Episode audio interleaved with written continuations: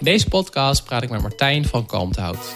Martijn is auteur van diverse boeken over wetenschap en hij is wetenschapsredacteur bij de Volkskrant. In dit gesprek gaan we het hebben over nanotechnologie. Dat is technologie op de allerkleinste schaal van atomen en moleculen. En hij legt uit wat het nou precies is en welke ontdekkingen hiervan zijn gemaakt. En hij haalt daar onder meer Richard Feynman aan, de beroemde natuurkundige. Maar ook Ben Veringa, de Nobelprijswinnaar, de Nederlandse Nobelprijswinnaar uit 2016.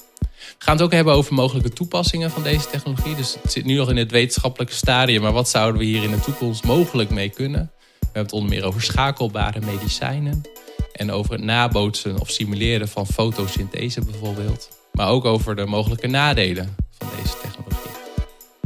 Voordat, ik, voordat we gaan starten nog twee opmerkingen. De eerste is ga naar www.biohackingboek.nl om mijn boek alvast te bestellen. Hij is nu echt bijna af. Een onderdeel in het boek is trouwens nanotechnologie. Dat zul je ook horen in dit gesprek. Bijvoorbeeld de visie van Ray Kurzweil is dat we in de toekomst nanorobots in onze bloedbaan hebben. Die naar specifieke plekken in het lichaam geleid kunnen worden om hun werk te doen. En de tweede opmerking is ga naar uh, Patreon. Daarin kun je de Project Leven steunen. Dat kan al vanaf 1 euro per maand. Een speciale aandacht voor de zogenaamde business class mensen of bedrijven, in dit geval Giant Fox, Human Enhanced Software Detachering. En ga naar www.giantfox.nl voor meer informatie. De laatste is, uh, dat ben ik bijna vergeten, is de show notes van deze aflevering. Ga naar projectleven.nl slash podcast om alle podcasts te zien en specifiek deze. Ga naar projectleven.nl slash martijn van kanthout. Anyway, here we go. Welkom in de podcast, uh, Martijn van Kanthout. Hoe stel je jezelf voor? Ben je wetenschapsjournalist of redacteur? Uh, ik ben redacteur bij de Volkskrant. Dat wil zeggen dat je je eigenlijk met de hele krant mag bemoeien als, uh, als schrijver en denker. Ehm, maar ik ben wetenschapsredacteur en ja, wetenschapsjournalist dus in de bredere zin. Want ik doe ook wel dingen buiten de krant.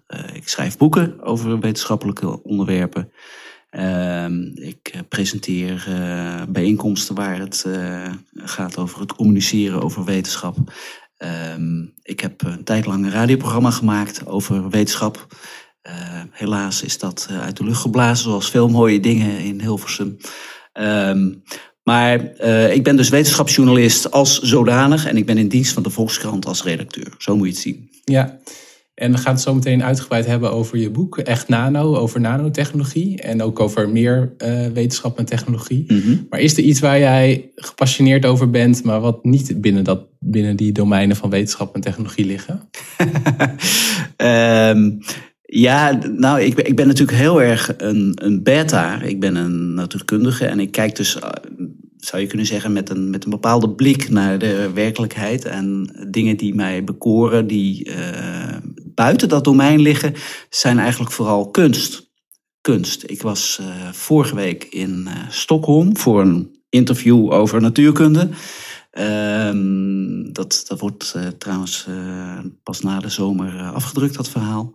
Um, maar toen ben ik in de zijlijn van dat bezoek ben ik ook even naar het Moderne Kunstmuseum gegaan en kwam daar echt waanzinnige uh, mix van uh, uh, objecten, video's, een soort droomwereld werd daar gepresenteerd waar ik echt ademloos naar heb staan kijken.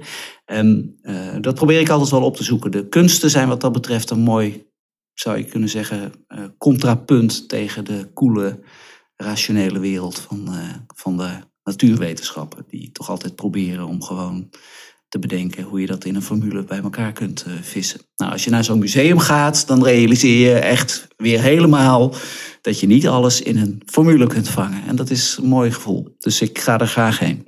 Oh, oké. En denk je dat we ja, dus ik stel misschien een hele domme vraag hoor, maar is de um, Einstein was dat toch wel van plan? De, de één formule waar je alles in kan vatten? Ja, ja de, de, de zeker. De theorie van alles is nog steeds een, uh, een, een soort ja, drijfveer, mythe, droom van veel uh, wetenschappers. Overigens vooral veel natuurkundigen. En natuurkunde is natuurlijk een vak dat zeg maar, steeds meer inzoomt naar hoe zit het nou eigenlijk, hoe zit het nou eigenlijk. Je hebt eh, een atoom, maar dat bestaat weer uit kleinere deeltjes. En die kleinere deeltjes weer uit kleinere deeltjes. En dat zijn dan geen deeltjes meer. Dat is meer een soort golven. Of nou ja, het hele verhaal uh, komt misschien later nog. Um, dus dat inzoomen, dat, dat, dat, uh, dat leidt tot een soort essentie als het gaat om de natuurkunde. Maar om vanuit die natuurkunde van die deeltjes of de golven die daaronder zitten, uh, terug te komen naar, uh, nou laten we zeggen, gewoon een levend organisme of uh, nog ingewikkelder poëzie of liefde of nou ja, passie voor de kunst, bij wijze van spreken. Uh, dat is natuurlijk veel te ver gegrepen. Uh, de theorie van alles is, heet zo en is een leuke term om te gebruiken. Maar eigenlijk uh, zeg je dat is een theorie van alles, omdat de bekende natuurwetten die wij los van elkaar kennen. proberen dan? Zwaartekracht? Zwaartekracht, je hebt de atoomkrachten en elektromagnetisme, dus het, elektriciteit en magnetisme. Dat, dat kun je beschrijven met een aantal formules. Dat zijn de wetten van Maxwell, zo, zo heet dat meestal. Um, als je nou die formules kunt koppelen aan bijvoorbeeld uh, de formules voor de zwaartekracht, wat niet vanzelfsprekend is, wat hebben die twee met elkaar te maken? Als je daar een, uh, een uh, verband tussen zou kunnen vinden als theoretisch natuurkundige. Uh, en je zou dat verband ook nog kunnen uh, aantonen met experimenten, zoals een experimenteel natuurkundige dat doet. Uh, dan kun je zeggen dat, dat die eh, theorieën aan elkaar gekoppeld zijn. En de theorie van alles wil eigenlijk niks anders zeggen dan dat de vier basiskrachten, waar ik zei, zwaartekracht, twee kernkrachten en elektromagnetisme, als je die met met één theorie, met één set van vergelijkingen zou kunnen beschrijven, dan heb je een theorie van alles. Maar ja, hè, dat is gewoon een formule op een bord. En dat wil nog niet zeggen dat wij weten waarom een kikker uh, doet wat hij doet. Of uh, waarom jij uh, dorst krijgt als je lang in de zon zit. Ja, en is het ook zo dat, dat Einstein, toen hij overleed, dat dat wel was wat hij achterliet? Van verdorie, het is me niet gelukt? Nou ja, ja, dat was natuurlijk een beetje pijnlijk. Want hij had uh, hele grote dingen gedaan in zijn leven. Uh, de relativiteitstheorie is natuurlijk uh, heel beroemd. Kwantumtheorie over licht en deeltjes is minder, minder beroemd. Maar overigens heeft hij daarvoor de Nobelprijs gekregen. Dat weet nooit iemand. Niet voor zijn relativiteitstheorie. Um, maar dat, dat zijn bekende grote dingen. Maar wat hij daarna ging doen was inderdaad proberen om die, die losse theorieën voor de verschillende krachten um, aan elkaar te knopen. Daar heeft hij ook allerlei dingen op geprobeerd. En uh, nou, dat is uiteindelijk niet gelukt. Deels omdat je dat ook maar moet kunnen, maar voor een belangrijk deel omdat in die tijd twee van de vier krachten, namelijk de kernkrachten, nog helemaal niet bekend waren. Dus hij probeerde dingen aan elkaar te knopen die maar een deel waren van het geheel. Ja. Um, en dat is als je kijkt naar hoe hij daar uh, aan werkte, uh, dus ook helemaal niet zo raar dat hij niet een, een, theorie van alles kon vinden. En laten we eerlijk zijn, die is er nog steeds niet. Dus, is de uh, supersnaartheorie een soort van opvolger? Ja, dat, dat supersnaartheorie is wel een, een poging om dat te doen. Um, dat, dat is een theorie die zegt er zijn eigenlijk geen deeltjes, maar wat wij deeltjes noemen, dat zijn een soort, ehm, hoe zeg je dat? Zoals een viool verschillende klanken kan voortbrengen, zo kan, uh, uh, heb je in uh, de natuur heb je deeltjes. En die deeltjes zijn, als je die nou beschouwt als klanken, dan zijn dat klanken van onderliggende snaartjes. Dus alles bestaat uit snaartjes, die zo klein zijn dat we ze nooit kunnen zien. Maar je kunt ze wel opmerken, omdat ze, zeg maar even, een klank voortbrengen. Een klank moet je dan vervangen door een deeltje. Um, de grap, de supersnaartheorie is, uh, is een jaar of dertig bestaat dat nu, denk ik. Nou, uh, iets langer zelfs. Uh, dat is op en af gezien als een soort theorie van alles. Er is één heel goed argument waarom het een theorie van alles zou kunnen zijn. omdat de zwaartekracht daar heel makkelijk aan de deeltjestheorie vast blijkt te zitten. En dat is in alle andere pogingen altijd een probleem geweest. De zwaartekracht is de gekste kracht, ook de gewoonste kracht die we kennen, maar is tegelijkertijd de, de gekste kracht ongeveer in het universum, omdat hij zich heel zwak gedraagt en eigenlijk niks met de andere natuurkrachten te maken lijkt te hebben. Uh, dat is raar, want het universum is gewoon één ding. Dus je zou denken dat toch op een of andere manier de zaken wel met elkaar te maken moeten hebben. Um, en uh, de supersnaartheorie, die nog lang niet af is en die ook niet de definitieve formule heeft opgeleverd, uh, die kan één ding wel heel goed. En dat is de zwaartekracht gewoon op een, wat fysici noemen, natuurlijke manier verbinden met uh, de deeltjeswereld. En dat is bijzonder, want dat was nog nooit gelukt in de theorie. Dat is ook de reden dat mensen zo enthousiast blijven, ook al blijkt het ongelooflijk moeilijk om er echt goede resultaten mee te bereiken. Dus uh, mensen zijn enthousiast. Of het lukt om daar, daar heb je meer die, die theorie van alles van te maken. Dat is nog steeds uh, onduidelijk eigenlijk. Maar het is, uh, het is een mooi, mooi vakgebied. Ik ben, ik ben mezelf toevallig er wat in het, aan het verdiepen, omdat ik een, een klein boekje voor New Scientist ga schrijven over snaartheorie. En dat ben ik eigenlijk vooral ga ik dat doen omdat ik er zelf te weinig vanaf weet, vind ik. Ehm, en er is altijd een heel probaat middel om dingen uh, te bestuderen. Of eigenlijk twee. Je gaat het studeren en je doet het, doet het examen. Maar het andere is, schrijf er een boekje over. Dan, uh, of een artikel in de krant is eigenlijk ook zoiets. Dingen waar je niks vanaf weet, uh, moet je dan doorgronden voordat je het verhaal kunt vertellen. Dus ik, ik ben uh, een klein beetje student momenteel. Ja, eigenlijk eeuwig student. ja, ja, dat is ja. dit vak sowieso wel. Ja. En weet je nog de, het eerste moment, het kan zijn dat je op de basisschool zat of middelbare school, dat jij enthousiast werd van of wetenschap of natuurkunde? Ik was uh, zo'n zo'n typisch jongetje dat uh, verbaasd was over de sterren, de sterrenhemel. Uh, ik had ook uiteindelijk had ik bij ons achter op de schuur op het dak een uh, eigen uh, sterrenwacht gebouwd. en waar was dat? Om in Eindhoven. Eindhoven ja. En, uh, dat sloeg, ja, het was, ik had een kijker, overigens ook nog zelf gebouwd trouwens. En een, helemaal geen verkeerde kijker. Um, en daarmee keek ik naar de maan en naar, naar planeten, Saturnus met zijn ring en dat soort zaken natuurlijk. Uh, dat had allemaal wel iets uh, heel romantisch. Ik heb in die tijd wel eens overwogen om later, als ik groot was, in Canada in een heel donker bos te gaan wonen, zodat je veel sterren kon zien. Dat is er nooit van gekomen, gelukkig. uh, het was ook in de tijd dat de eerste Vikinglanders op uh, Mars aankwamen. Dus dan zag je op tv van die hele vage beelden. Met, je kon niet eens zien dat het wat boven en onder was, bij wijze van spreken. Maar dat vond ik echt fascinerend. Dat je wist dat er iets op een andere planeet uh, was geland. En uh, nou ja, de maanreizen. Dus ik ben wel een kind ook van de jaren 60, 70. Uh, waar het gaat om ruimtevaart, wat toen heel erg tot de verbeelding sprak. en daar ja, is dat gaandeweg uit, uitgegroeid. Ik heb altijd met plezier zelf in, in de exacte vakken dingen gedaan. Ik heb, uiteindelijk ben ik natuurkunde gaan studeren. Um, en toen dacht ik, uh, ik kan nu kiezen tussen uh, op, uh, op een laboratorium gaan zitten verstoffen uh, of ik ga er iets grappigs mee doen. En ik hoop dat het het laatste is geworden. Ik heb me wel vermaakt tot nog toe. Namelijk de journalistiek, dus de wetenschapsjournalistiek. Want dan mag je altijd, zeg ik altijd maar, op het feestje komen.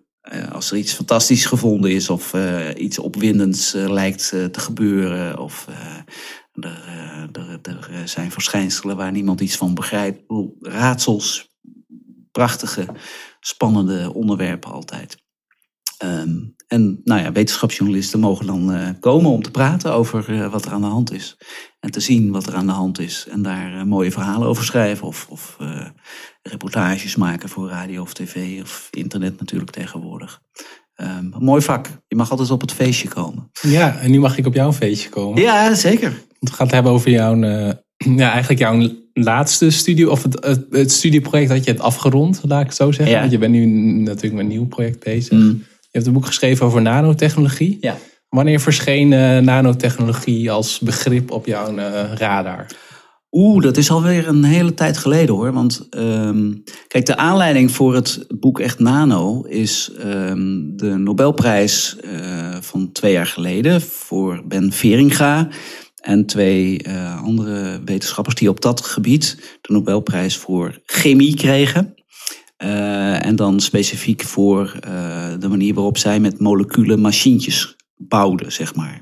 Dus op, op moleculaire schaal, dus heel erg klein, toch zoiets als een propellertje kunnen creëren of een karretje dat langzaam van A naar B rijdt. Uh, dingen die open en dicht klappen. Uh, een soort lift die je op en neer kunt laten gaan. Dus allemaal mechanische effecten, maar dan op molecuulschaal. Dat is nieuw. waarom waarom hebben zij eigenlijk de Nobelprijs voor de chemie daarmee gewonnen? Omdat het chemici zijn. Nee, ja, dat, dat is een interessante kwestie. Um, um, dat, daar moet zo denk ik verder over hebben hoor. Maar nanotechnologie, nano wil zeggen 9, 10 tot de macht min 9 meter. Dus dat is een miljardste meter. Een miljoenste millimeter is ongeveer de schaal waar je op over, over moet denken. Dat is de schaal waar uh, moleculen, uh, als je zo diep zou kunnen kijken, zie, je moleculen die aan elkaar klitten. Tot uh, ringetjes of bollen of stapels of wat dan ook. Um, en in die moleculen kun je ook de atomen min of meer onderscheiden. Um, die, ehm, wat, wat vroeg je? Ik ben even de draad kwijt. wat de link is met chemie. Oh ja, chemie. Nou ja, moleculen is natuurlijk bij uitstek het domein van de, van de chemie. Um, niet, dat neemt niet weg dat het idee van de nanotechnologie uh, eigenlijk uit de natuurkunde voortkomt. Um, dat gaat terug naar een, uh, althans duidelijk herkenbaar, naar een uh, vroegere Nobelprijswinnaar, Richard Feynman, Amerikaan, een hele flamboyante man altijd vol mooie verhalen. Hij wordt bij voorkeur altijd bongo spelend in zijn boeken afge, afgebeeld. Want dat deed hij in zijn vrije tijd. Een, een, grappige man, razend slim. Nobelprijs voor iets in de deeltjestheorie uh, lang, lang geleden. Um, maar er was een fysicus en die hield ergens in eind jaren, nee, eind jaren 50 een lezing uh, waarin hij zei, er is aan de onderkant van wat we kunnen zien, uh, dus at the bottom, de bodem, is er genoeg ruimte om, is er genoeg speelruimte. There's plenty of room at the bottom, zei Feynman. En daarmee bedoelde hij dat je heel makkelijk denkt dat de wereld van de atomen iets ja, ongenaakbaars en ver weg is. Maar als je er goed over nadenkt, dan kun je uh, bij wijze van spreken gewoon atomen één voor één op elkaar stapelen tot je ze in de goede patronen hebt liggen. Um, en dat is het voor het eerst dat het idee ontstaat dat je materialen, die allemaal uit atomen en moleculen bestaan, dat je die gewoon van uh, nul af aan zou kunnen opbouwen, letterlijk. Uh, dat moet je niet doen als je een huis wil bouwen, want dan ben je natuurlijk ontzettend lang bezig. Maar als je nou um, kunt bouwen op die schaal, uh, constructies kunt maken die ook op die schaal relevant zijn. Dus bijvoorbeeld een propellertje of een, of een ring die over een ding kan glijden, of een scharnier, dat soort zaken. Dan kun je kun je je voorstellen dat je met atomen machientjes bouwt. Met moleculen machientjes bouwt op, op die superkleine schaal. Die ook op die kleine schaal hun hun bewegingen uh, maken. Dat was een idee van Richard Feynman. Um, maar dat was heel erg zo vanuit, uh, er is geen reden om te denken dat het niet kan. Uh, dat je niet die atomen als bouwstenen zou kunnen gebruiken. Ze Want zijn... die, sorry, ik ontbreek, maar ja? die kennis of ze konden dat nog helemaal niet zien, maar hij had een soort van ingeving? Of zo. Nou ja, dat atomen bestaan, dat, dat, is natuurlijk al ja. uh, op dat moment al een uh, volkomen geaccepteerd beeld van hoe de materie in elkaar steekt. Dus dat was niet het nieuwe. Het nieuwe was dat hij zei, je kunt het in principe manipuleren. Je kunt dingen oppakken en ergens anders neerzetten. Um, en dat is zo. Dat bleek later ook met allerlei uh, experimenten en technieken goed te doen. Um, maar er is één enorme beperking. Bill Feynman was een inspiratie voor uh, heel veel mensen. Om, om de reden van die nano-gedachte, ook om andere redenen. Maar uh, er zijn toen veel mensen aan gaan werken. En wat je, wat je uiteindelijk uh, moet vaststellen is dat het idee in principe klopt dat je met losse atomen een ding kunt bouwen. Uh, maar dat het in de praktijk eigenlijk totaal onhandig en onzinnig is. Um, en dat heeft de reden is dat, dat materie bestaat uit, uh, nou ja, uh, een, een, een uh, normale hoeveelheid materie, gewoon een kopje water, heeft iets van 10 tot de macht 24. Dus een 1 met 24 nullen erachter, atomen. Dus dan ben je wel even bezig om ze te vullen als je ze één voor één erin moet leggen. en dat geldt ook voor die nanomachines en nanoconstructies.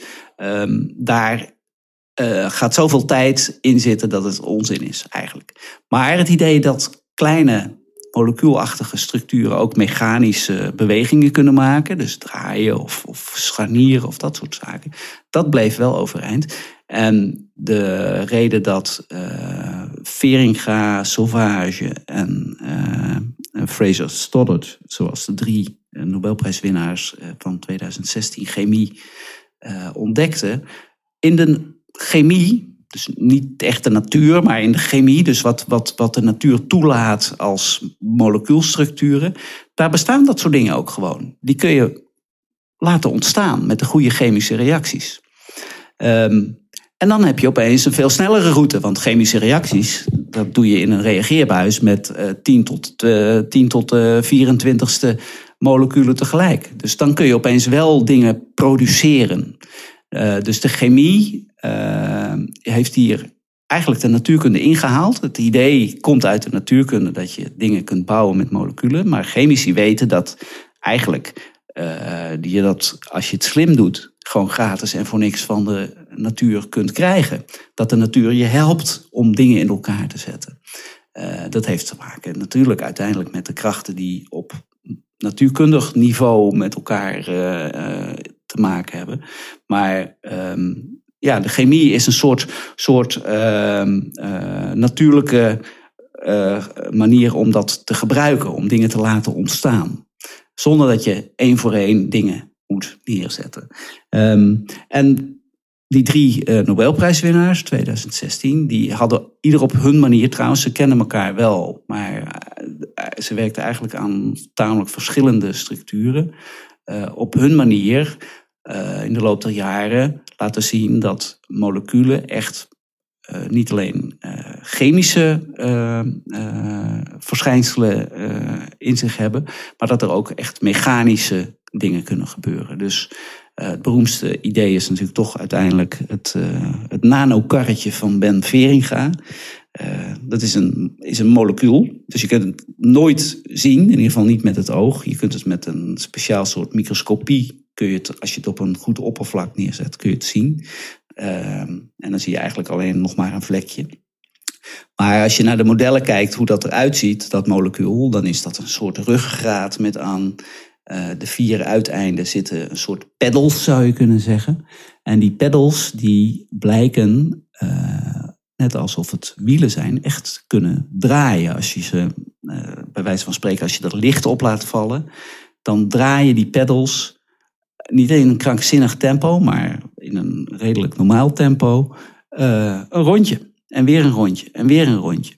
Uh, in de chemie zijn de meeste reacties gaan eerst de ene kant op en dan de andere. Dus dat is bij wijze van spreken, als je het over een pedal hebt, eerst gaat hij een stukje naar voren en dan draait hij weer terug. Maar het systeem dat Veringa had ontwikkeld, een molecuul, uh, dat op licht reageerde, uh, door gewoon echt rondjes te draaien. En Veringa, uh, dat was in eerste instantie geen karretje, had gewoon een molecuul dat dat deed. Dat hadden ze met enige mazzel gevonden, zou je kunnen zeggen. Um, en ik, ik heb hem er ook over gesproken van waarom bouw je dan een karretje? Wat heb je aan een nanokarretje? Helemaal niks. Behalve dat het enorm tot de verbeelding spreekt. En daar is hij natuurlijk uh, ook heel slim in uh, geweest. Um, en dat was ook het was een soort demonstratie van wat kun je nou eigenlijk bereiken als je dit soort dingen hebt ontdekt. Um, hij kreeg een Spinoza-prijs, dat is een uh, beroemde wetenschapsprijs in Nederland. En toen vroeg de minister tijdens die bijeenkomst van, ja, wat, wat, wat, wat kunnen we ervan gaan merken? Uh, wat zie je als uitdaging? En toen uh, zei Veringa, nou, dat, dat, weet ik niet, maar volgens mij zou je er een karretje mee kunnen bouwen. Dat was totale bluff. Hij wist echt helemaal niet of dat zou kunnen. Dat was een paar jaar eerder dan. Maar dat was een paar jaar eerder. En toen is die jaren later, bleek het met heel veel vallen en opstaan inderdaad te lukken. om een, een object te maken, een molecuul met die nog kleinere wieltjes eraan. Dat over een metalen oppervlak eh, blijkt te kunnen bewegen als je het eh, op de goede manier aanstuurt. En dat is, uh, Veringa is dat karretje, is, is zijn uh, pièce de résistance, een, belangrijk zichtbare resultaat. voor Fraser Stoddart, een Engelsman, is dat een ander systeem waarbij ringen over een soort ruggengraat op commando omhoog of omlaag kunnen uh, bewegen of in een, als je het in een cirkel bouwt, uh, een, echt een rondje lopen. Uh, als een ring die rond een andere ring schuift. allemaal op, op chemische signalen. Ehm, en Sauvage die heeft eigenlijk voor dat ringsysteem weer de basis gelegd door te ontdekken welke moleculen je nodig hebt om, om zo'n ring te maken. Dus ze hadden allemaal een stukje van het idee dat je uh, bewegende moleculen kunt, kunt bouwen. Uh, ontdekt. En dat was allemaal chemie. Dat is, uh, zij zaten niet te pielen met een elektronenmicroscoop die een deeltje moest oppakken. Nee, dit was gewoon, dit gebeurt in reageerbuizen.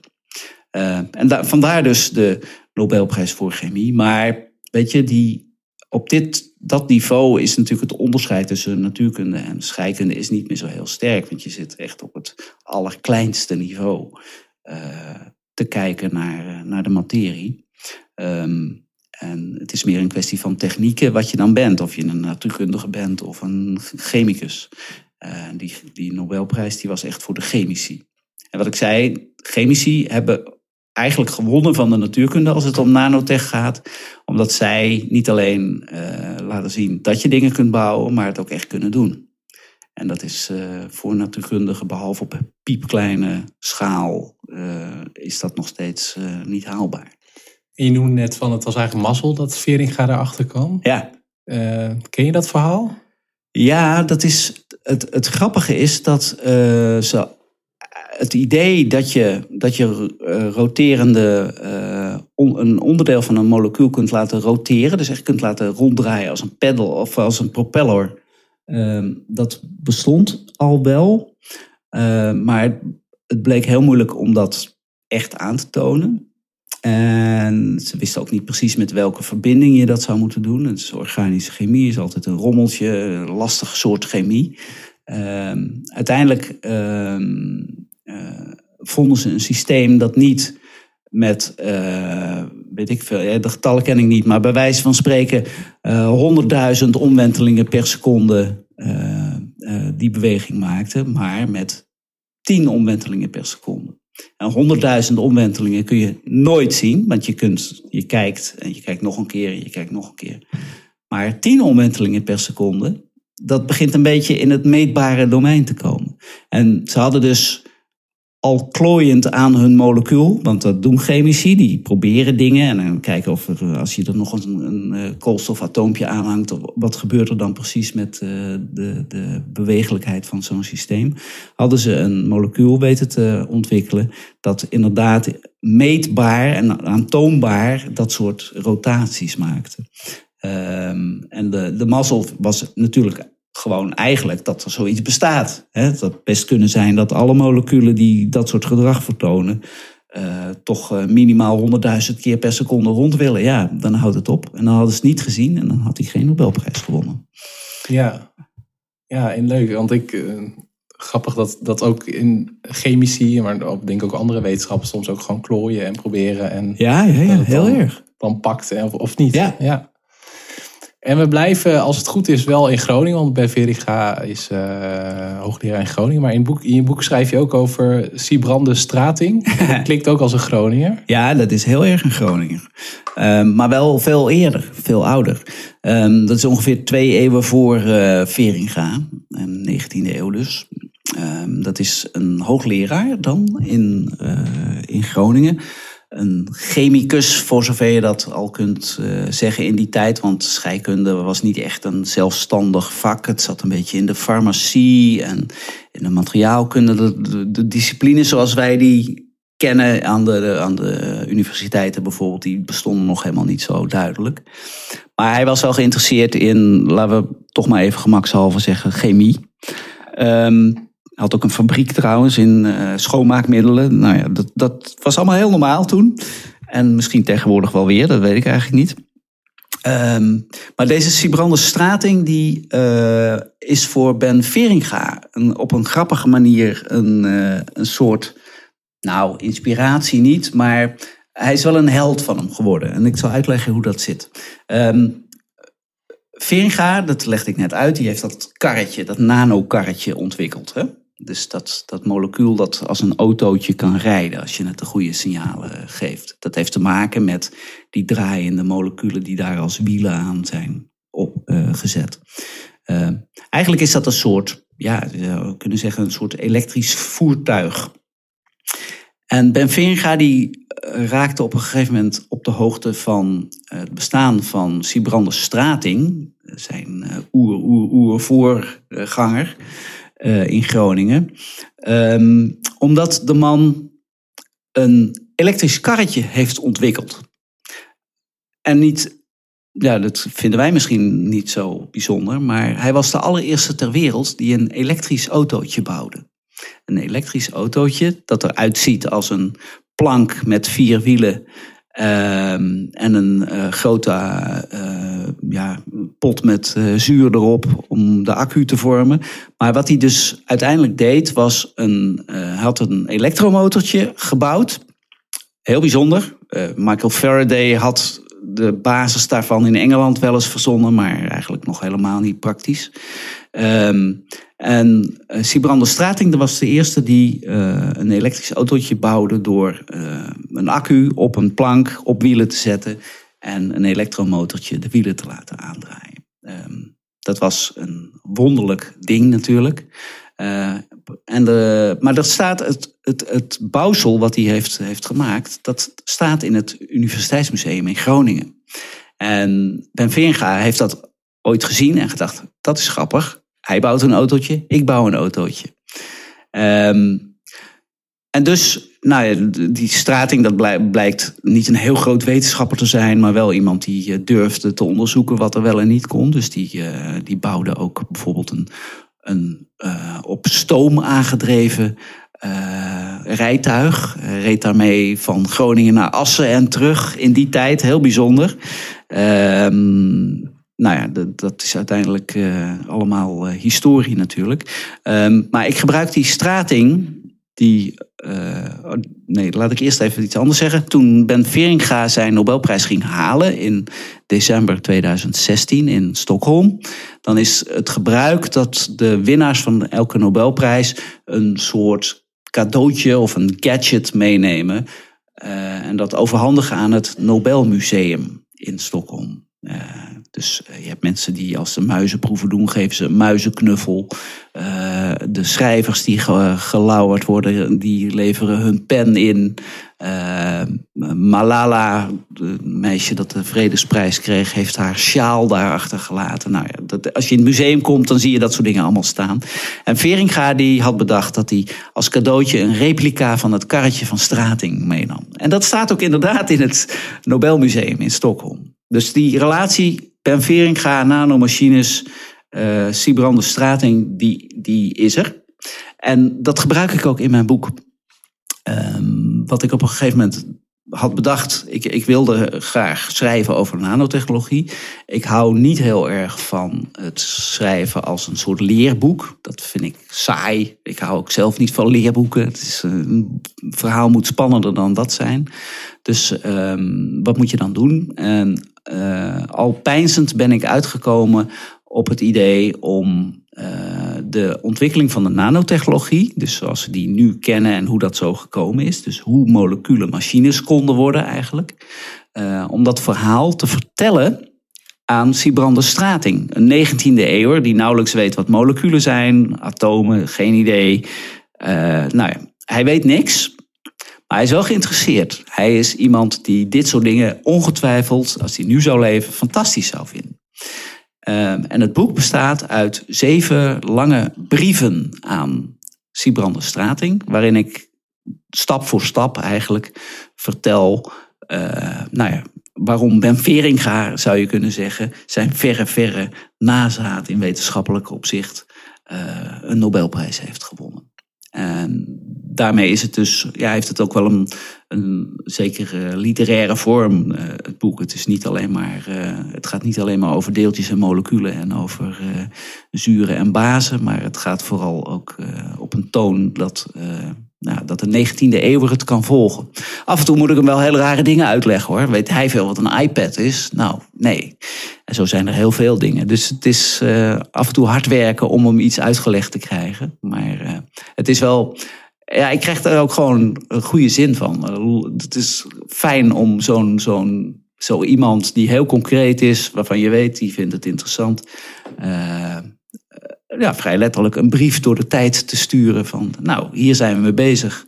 En uh, de, de, de, uitgangspunten die jij had, hebben uiteindelijk geleid tot nieuwe materialen, tot nieuwe geneesmiddelen, tot uh, uh, nou ja, allerlei kennis die we lang, lang niet hebben gehad.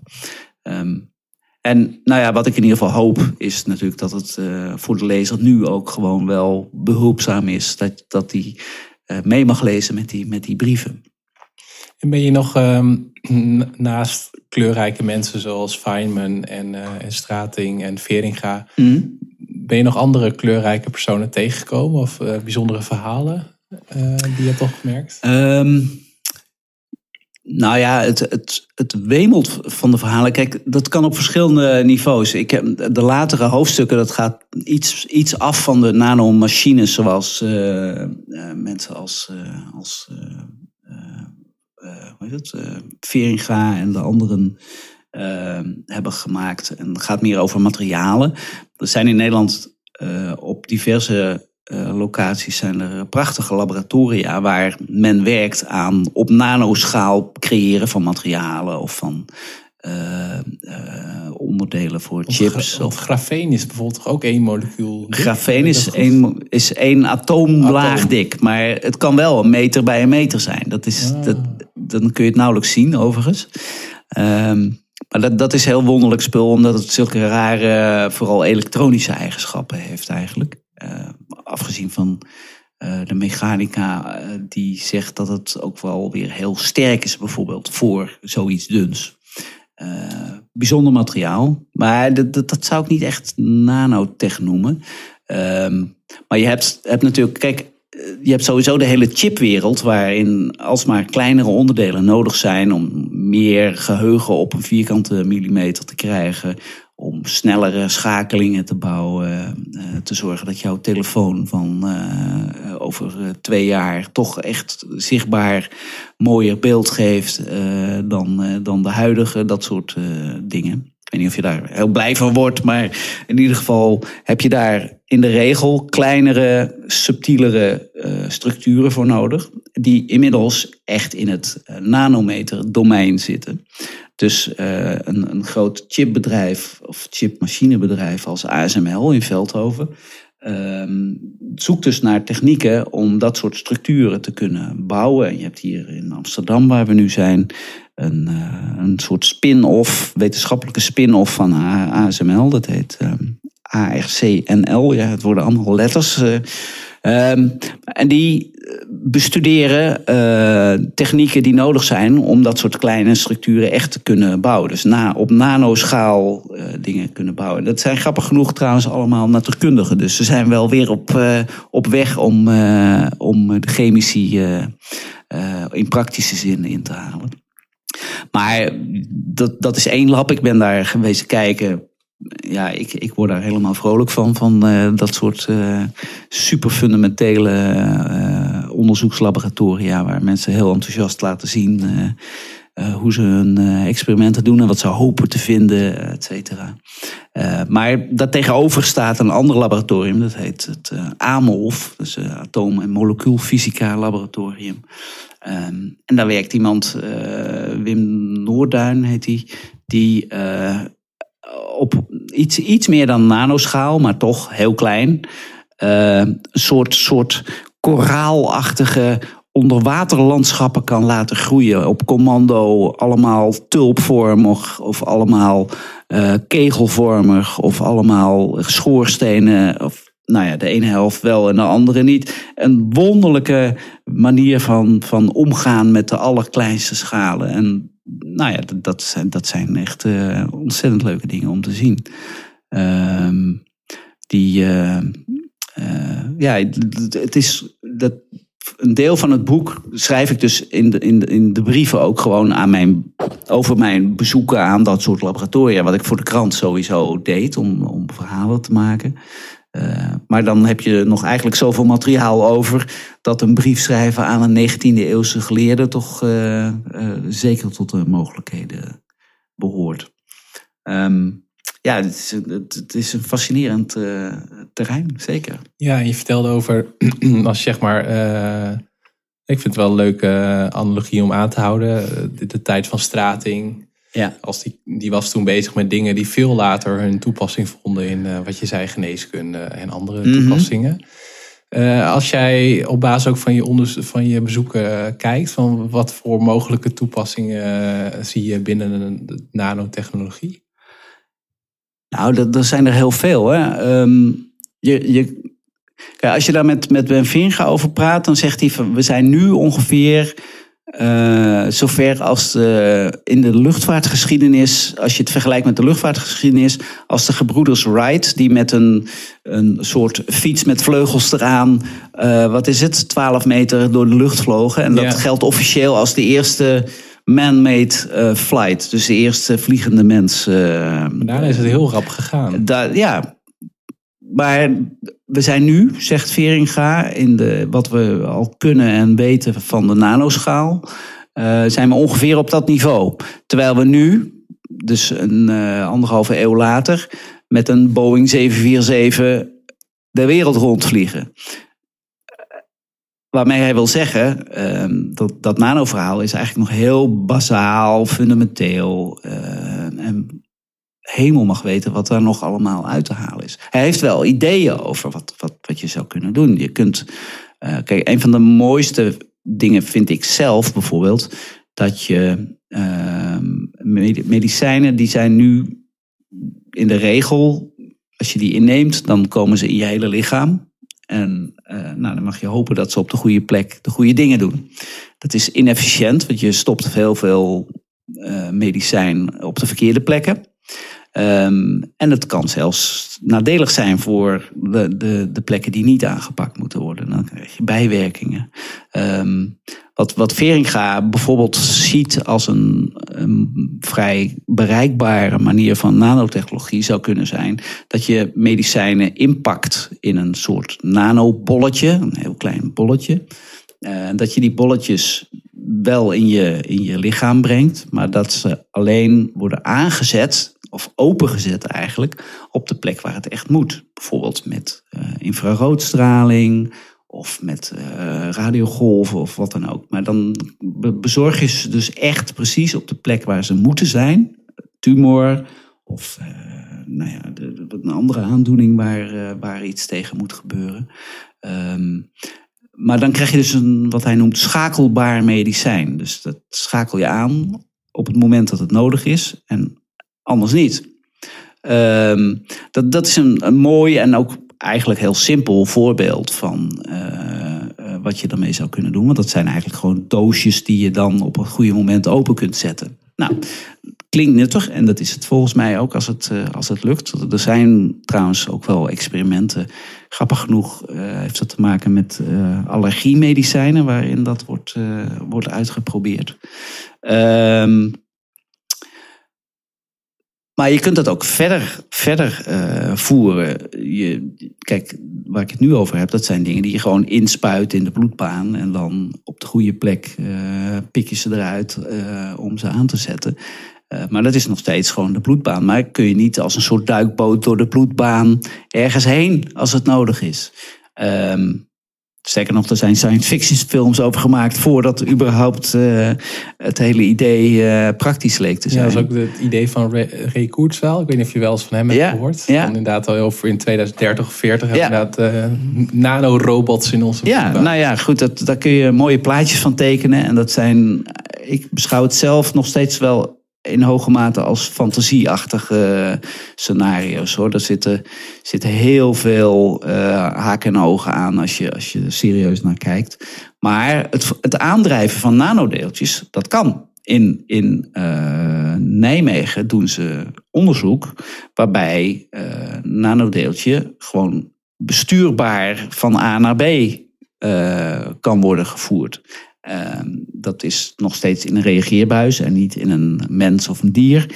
Maar het is het begin van toch iets in de richting van die nanorobots.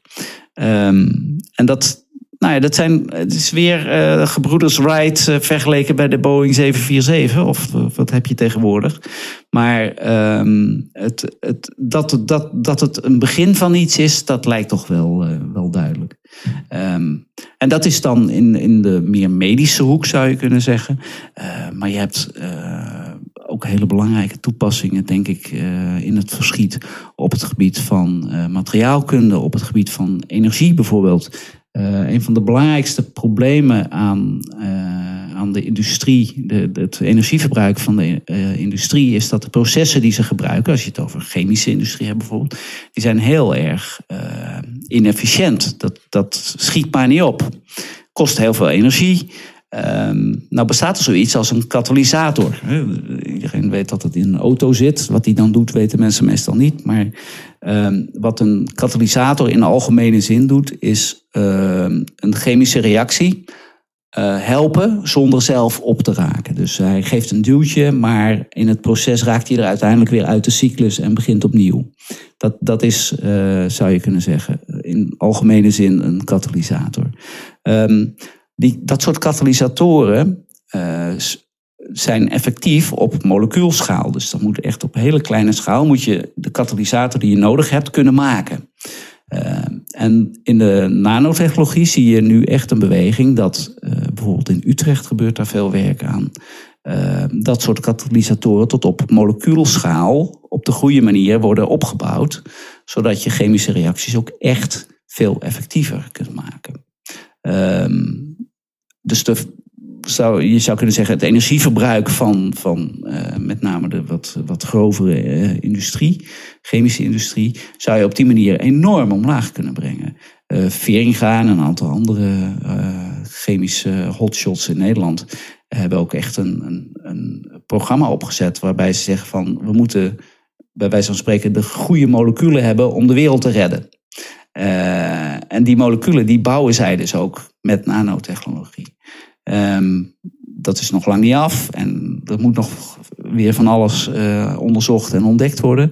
Maar dat is ook weer een idee dat je, als je eenmaal op die allerkleinste schaal echt dingen in de hand hebt, uh, dat je ook op grote schaal enorme effecten kunt, uh, kunt bereiken. In de medicijnen is dat met gezondheid. In de industrie zou dat op energiegebied bijvoorbeeld kunnen zijn. Nog een andere is Um, planten hebben fotosynthese. Die gebruiken zonlicht om. Uh, uh, dat, ze slaan eigenlijk, zo moet je het zeggen, zonlicht op door het om te zetten in een chemische verbinding, in suikers. Die worden uiteindelijk weer verbruikt als ze energie nodig hebben. Um, dat helpt trouwens ook tegen CO2 in de atmosfeer, ook fijn. Um, dat doen groene planten namelijk. Maar dat proces, dat is een natuurlijk proces, ontstaan in de evolutie. Uh, het is enorm ingewikkeld. Uh, en chemici dromen al eigenlijk zolang als ik rondloop en nog veel langer, uh, om dat zelf te bouwen. Om een systeem te bouwen dat CO2 opneemt uit de lucht onder invloed van zonlicht suikers bouwt en die suikers uiteindelijk weer als energie zou kunnen loslaten. Um, Jean-Pierre Sauvage, een van de drie Nobelprijswinnaars. Was dat degene met het rondje of met de lift? Uh, die is met het rondje. Oh ja, ja. goed onthouden. Een, een, van de, een van de redenen dat hij daaraan werkte, was letterlijk dat hij zocht naar systemen die een soort kunstmatige fotosynthese kunnen bewerkstelligen. Ehm, dit, is een totaal uh, spin-off en heeft er niks rechtstreeks mee te maken. Maar ik, ik interview hem ook in, in, in het boek. En hij, eigenlijk zegt hij: ik, Mijn grootste droom is nog steeds, ondanks deze nanomachientjes. Uh, om een systeem te, uh, te vinden dat kunstmatige fotosynthese maakt. Want dat zou voor de energievoorziening op aarde een hele belangrijke bijdrage kunnen zijn.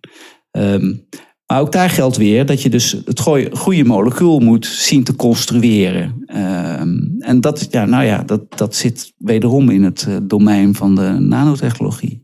Maar ook betere zonnecellen. De, de, zonnecellen nu zijn ja, toch tamelijk uh, lompe structuren nog steeds. Hè. Je hebt een halfgeleider en dan leg je een laagje van neer en je plakt er boven en onder elektrodes op. Er komt licht aan slaat dingen uit elkaar in, uh, in, in zo'n laagje. En daardoor ontstaat er een stroompje. Dat is eh, heel simpel gezegd hoe het werkt.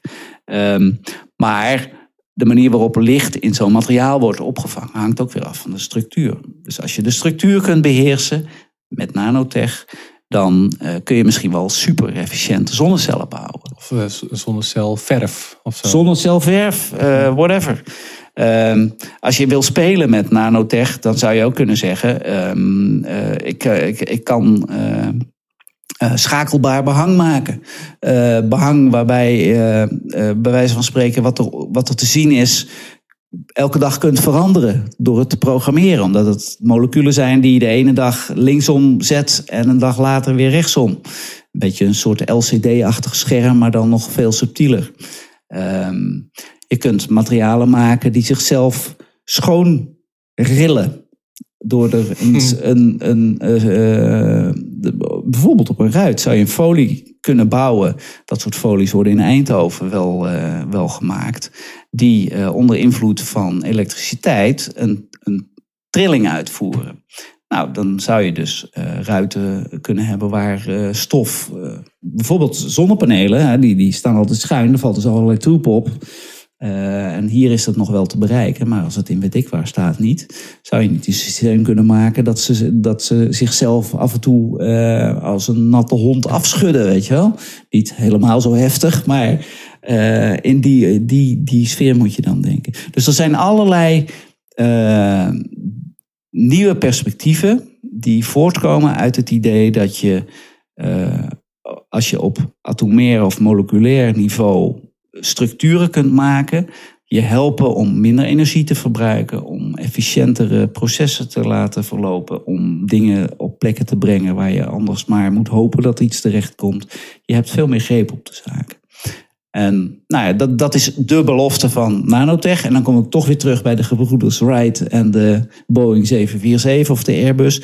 Het is echt nog heel vroeg in die ontwikkeling. Dus mensen als Veringa en Sauvage en uh, vele anderen trouwens, die uh, zijn bezig met het ontdekken, de eerste stappen te zetten in, in die wereld. Het klinkt fantastisch allemaal al en ze winnen er Nobelprijzen mee, maar uh, het is echt een beginpunt. En waar dat uiteindelijk terecht komt, who knows. Er zijn trouwens ook mensen die daar natuurlijk heel benauwd over zijn. Over uh, als je op die schaal uh, uh, nieuwe stoffen, want dat doe je eigenlijk, nieuwe stoffen introduceert, nieuwe materialen introduceert. wat, wat heeft dat voor effecten? iedereen heeft natuurlijk het nachtmerkscenario van het asbest, als je hierover nadenkt, nog wel in gedachten. Asbest leek een fantastisch materiaal. Uh, uh, schoon, brandwerend, uh, niks aan de hand, gaat nooit meer stuk. Tot mensen ontdekten dat je er wel enorm longkanker van krijgt. en dat is lang niet onderkend. En als je het over nanotech hebt, dan zeggen mensen vaak... dat moeten we nu dus wel doen. We moeten nu nadenken of de dingen die we heel enthousiast aan het introduceren zijn... niet tegelijkertijd ook heel gevaarlijk zijn. En dan hoef je niet je kunt in een science fiction terechtkomen van uh, nanorobotjes die zichzelf beginnen te reproduceren en een soort grijze troep over de hele aarde verspreiden en uh, einde mensheid en zo. Dat, uh, er zijn science fiction romans in die sfeer geschreven. Um, maar ja, je wil niet hebben dat de, de nanodeeltjes die in zonnebrandcrème en zo al wel gebruikt worden, dat die over twintig jaar opeens toch uh, buitengewoon ongezond blijken te zijn. Dus uh, wat dat betreft moet je altijd goed opletten. Ja, wat ik nog in aanvulling, wat ik wel interessant vind, ik, ik ben voornamelijk geïnteresseerd in biohacking, dus het ingrijpen op de mens. Mhm. En ik heb op mijn, mijn reis afgelopen week ook een science fiction boek gelezen. Dat ging ook over, nu moet ik het even goed zeggen. Ja uh, nano, bio, cogno, info. En dat, hè, dus, het, dus juist ook die symbiose van al die Ja, ja. technologieën. En dat ging dan over dat, dat we kunstmatige synapsen, dus dat we ook kunnen ingrijpen op het uh, brein. Ja. En we hebben het al eerder gehad over de, de overlap tussen natuurkunde en, en scheikunde. Ehm, denk je dat we over 100 jaar ook echt een, een nanokunde hebben of zo? Of is dat een gek, gekke gedachte? Nou, Ja, ik, ik denk dat er. ehm, kijk, over 100 jaar, dat, dat, kun je natuurlijk eigenlijk niks over zeggen. Laten we, laten we eerlijk zijn. Dat, dat, moet ik denk ik als eerste erover zeggen. Ehm, maar ehm, er, je ziet nu wel technieken ontstaan die zeg maar kunnen ingrijpen op de, de basale structuren en processen die ook ons lichaam eh, vormen, bijvoorbeeld. En die, die, die processen, ja, daar, daar kun je dingen mee construeren die niet normaal of natuurlijk in ons lichaam aanwezig zijn. Ehm, je kunt eh, met doping kun je al grotere spieren kweken. Dat is dan nog relatief uh, recht toe aan. Uh, maar je zou uh, inderdaad ook uh, echt andere structuren of, of mengvormen van elektronica en weefsel kunnen produceren. daar wordt ook wel mee geëxperimenteerd en gekeken wat, ja, wat, wat kan er nou eigenlijk. Mensen zijn heel erg snel geneigd, in mijn gevoel, om dan te denken van overmorgen is de wereld helemaal anders. Um, als je nu nadenkt over hoe was het in 1918 uh, vergeleken met 2018, dan is de wereld natuurlijk enorm veranderd. Uh, al was maar omdat mensen toch uiteindelijk, uh, behalve dat het gewoon nog steeds mensen zijn, voor een aanzienlijk deel langer leven, dus gezonder zijn. De, de, wereld is niet alleen maar slechter geworden wat dat betreft. qua technologie is er een enorme golf ontstaan die nog niet klaar is. Dus we zien kunstmatige intelligentie opkomen. We zien uh, nieuwe materialen opkomen. hopelijk ook schonere hoe heet dat? energietechnologie. dat, dat, dat soort ontwikkelingen zijn er. Maar wat ik, ik heb ook wel, ik heb eerder een, boekje geschreven dat heet de Survival Gids voor de Toekomst. En mensen vonden dat een beetje pessimistisch en zuurig. Typisch zo'n Volkskrant-journalist werd er toen gezegd, omdat ik overal een zeikverhaal over hield. Niet een echt zeikverhaal, maar wel zoiets had van, nou, nou, tut. Uh, uh, weet je het wel zeker dat het zo hard gaat allemaal. Maar wat voor mij altijd het bottomline blijft, is toch dat, dat, dat we er als mensen zelf bij zijn. En uh, jij en ik veranderen in biologische zin niet heel snel of ingrijpend. Je kunt er wat dingen verbouwen, en, maar het is eigenlijk allemaal. Ja, je blijft toch heel lang gewoon een mens. En ik denk dat er in, in het menselijke aspect ook, laten we zeggen, een soort rem zit op. we kunnen alles technologisch verbouwen en verbeteren. En, mensen willen dat misschien wel, maar er is ook een soort, soort limiet en een soort ongemak aan uh, wie ben ik nog als ik een halve computer ben. Uh, dus ik verwacht dat die mogelijkheden zijn er. En er zijn ongetwijfeld altijd uh, een, een legio mensen die dat wel heel spannend en opwindend vinden. Um, Net zoals ik. Ja, maar of jij uh, je been laat afzetten omdat je dan uh, een bionisch been eraan kan zetten. Die beter is. Ja, ja. dat, dat, ja. ik kan het me niet voorstellen. En ik denk eerlijk gezegd dat mensen wat dat betreft ook op een goede manier wel conservatief zijn. En denken, maar hoe moet het nou? Uh, hè? Het, is, het gaat vaak minder hard dan je, dan je in eerste instantie verwachten. Anderzijds zijn er ook dingen die opeens supersnel gaan en uh, je leven enorm veranderen. Ik bedoel, onze, onze mobiele telefonie is natuurlijk een, een, een mirakel in dat opzicht. Je loopt nu met een computer in je zak waar je de hele wereldbibliotheek mee kunt raadplegen als het nodig is. Dat is wel heel bijzonder. En dat maakt ook dat wij anders met elkaar omgaan, dat we anders naar de wereld kijken. Dat is waar. Uh, maar tegelijk zie je ook weer dat daar ja, toch ook mensen zich ongemakkelijk bij voelen. En uh, beginnen vast te stellen dat het best leuk is om eens een week op vakantie te gaan van je telefoon. of je telefoon op vakantie sturen, dat kan misschien ook. Maar... Dus de, de technologie is, klinkt altijd heel dwingend. Van als iets kan, dan gaat het ook gebeuren. Ik uh, ben altijd een beetje argwanend, omdat ik ten eerste, of, ja, argwanend omdat ik denk er zit altijd een enorme economische push onder dat soort uh, dingen. Hè. De, uh, Samsung wil dat wij dat allemaal opwindend vinden. dus moet je je afvragen of dat wel echt zo opwindend is. En het andere is dat mensen ja, toch ook wat conservatiever zijn dan, dan veel van die pushers, van die techno-pushers willen. Dus ik, ik, ik hoop dat we gewoon als mensheid nog een tijdje normaal uh, mensen blijven. Dat is een mooi, mooi einde van het inhoudelijke deel, denk ik. Nou. Is er, uh, is er iets wat je nog ehm, kwijt wil? Het kan over nanotechnologie zijn. is iets wat we hebben gemist? Even denken hoor. En voor de luisteraars, je hebt allemaal. Uh, ja, ik heb, ik heb mijn, het boek voor je. Met ik heb het boek en het, zit, het wemelt helemaal van de oranje papiertjes waar woorden op staan. Uh, dat, dat heeft overigens te maken met iets anders. Namelijk, binnenkort ben ik op Radio 1 in een nachtprogramma. Een uur lang praat ik ook over het boek. Maar dan moet ik ook een aantal passages voorlezen. Aha. En die passages, wat hier dus oranje is, dat zijn allemaal passages die ik in ieder geval graag zou voorlezen. Of dat allemaal gebeurt, weet ik niet.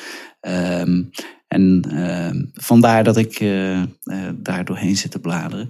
Um, maar wil ik, wil ik nog iets zeggen? Nee, ja.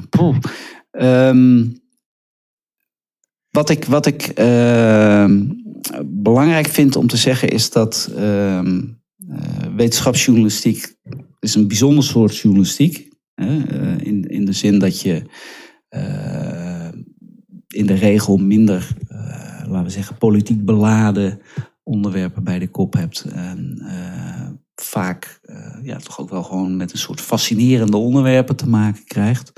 Um, maar ik ben altijd heel erg een voorstander geweest van toch normaal journalistiek omgaan daarmee. Dat is ook hier op de krant uh, wel een, een, belangrijke regel uh, geworden. Dat uh, wetenschappelijk nieuws ongetwijfeld opwindend is en spannend en mooi.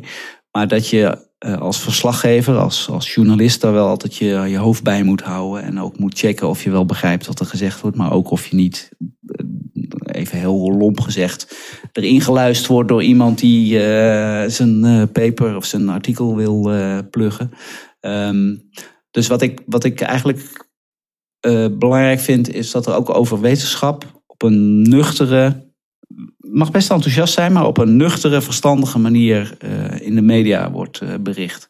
En ik maar ja, ik heb wel enige zorgen daarover. Kijk, bij ons op de krant gaat dat nog wel goed. In NRC en je hebt nog een paar kranten die nog wel een aantal wetenschapsredacteuren hebben. Maar het aantal wetenschapsredacteuren en wetenschapsjournalisten is de laatste 10, 15 jaar echt enorm veel kleiner geworden.